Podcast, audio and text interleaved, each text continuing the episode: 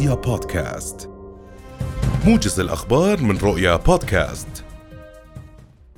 وجه جلالة الملك عبد الله الثاني رسالة إلى الحكومة مفادها أن المسؤول الذي لا يرى نفسه بحجم المسؤولية عليه أن ينسحب حتى لا يؤخر الفريق. وشدد الملك على أن التحديث الاقتصادي هو مشروع الدولة وليس مقبولا التراخي في تنفيذه. ووجه جلالته الحكومة إلى ضرورة الإسراع في وضع برنامج تنفيذي لرؤية التحديث الاقتصادي في أقرب وقت ممكن مؤكدا ضرورة رفع تقرير كل ثلاثة أشهر على الأقل لسير العمل في تنفيذ هذه الرؤية على أن يربط تقييم أداء الوزارات بمدى إنجازها لذلك البرنامج. حذر المركز الوطني للأمن وإدارة الأزمات من خطر المنخفض الجوي وما قد يصحبه من تشكل للسيول في الأودية والمناطق المنخفضة. كما حذر المركز من انزلاق مركبات على الطرق وخطر تشكل الضباب والغيوم الملامسة لسطح الأرض فوق المرتفعات الجبلية. وبين أن هناك احتمالا لتدني مدى الرؤية الأفقية بسبب الغبار في مناطق البادية. وكانت مديرية الأمن العام قد أهابت بالمواطنين ضرورة أخذ الحيطة والحذر وانتهاج السلوك الوقائي والسليم خلال المنخفض الجوي الذي من المتوقع أن تشهده المملكة ابتداء من مساء اليوم.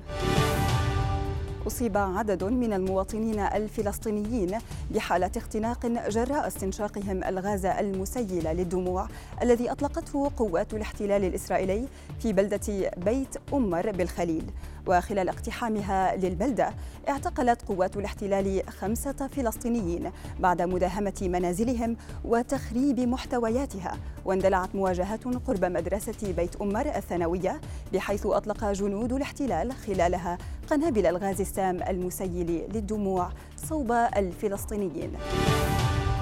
أعلن العراق عزمه على نشر قواته على حدوده المشتركة مع إيران وتركيا بعد القصف المتكرر الذي نفذته كل من طهران وأنقرة على المقاتلين الأكراد. وشن الحرس الثوري الإيراني ضربات صاروخية وهجمات بطائرات مسيرة مفخخة على مواقع تابعة للمعارضة الإيرانية الكردية. المتمركزة منذ عقود في كردستان العراق الإقليم المتمتع بحكم ذاتي في شمال العراق.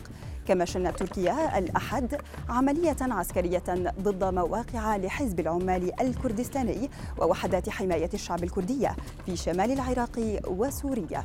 وإلى ذلك قالت وزارة الدفاع الأمريكية البنتاغون إن الضربات التي نفذتها تركيا في شمال سوريا هددت سلامة العسكريين الأمريكيين. وقال المتحدث باسم البنتاغون الجنرال بات رايدر في بيان إن الضربات الجوية الأخيرة في سوريا هددت بشكل مباشر سلامة العسكريين الأمريكيين الذين يعملون في سوريا مع شركاء محليين لهزيمة داعش الإرهابي والاحتفاظ باحتجاز أكثر من عشرة آلاف معتقل من التنظيم. يعقد مجلس حقوق الإنسان اليوم اجتماعا طارئا لبحث قمع التظاهرات التي تشهدها إيران منذ أكثر من شهرين. الاجتماع يأتي بناء على طلب من خمسين دولة عضو في الأمم المتحدة وبمبادرة من ألمانيا وآيسلندا. وأدى قمع التظاهرات إلى مقتل ما لا يقل عن 416 شخصا بينهم 51 طفلا وفقا لمنظمة حقوق الإنسان في إيران.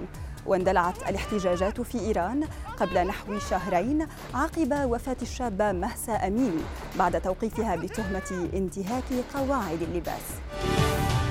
قررت الصين فرض إغلاق عام في مقاطعة تشينغ تشو لمكافحة فيروس كورونا. وتأتي هذه القيود بالرغم من الاحتجاجات العنيفة التي شهدتها المقاطعة ضد الإغلاقات. هذا وبلغت الحصيلة اليومية للإصابات الجديدة بفيروس كورونا في الصين رقما غير مسبوق منذ أن بدأ الفيروس بالتفشي. وذلك رغم الإجراءات الصارمة التي تفرضها السلطات من فحوصات واسعة النطاق وقيود على التنقلات.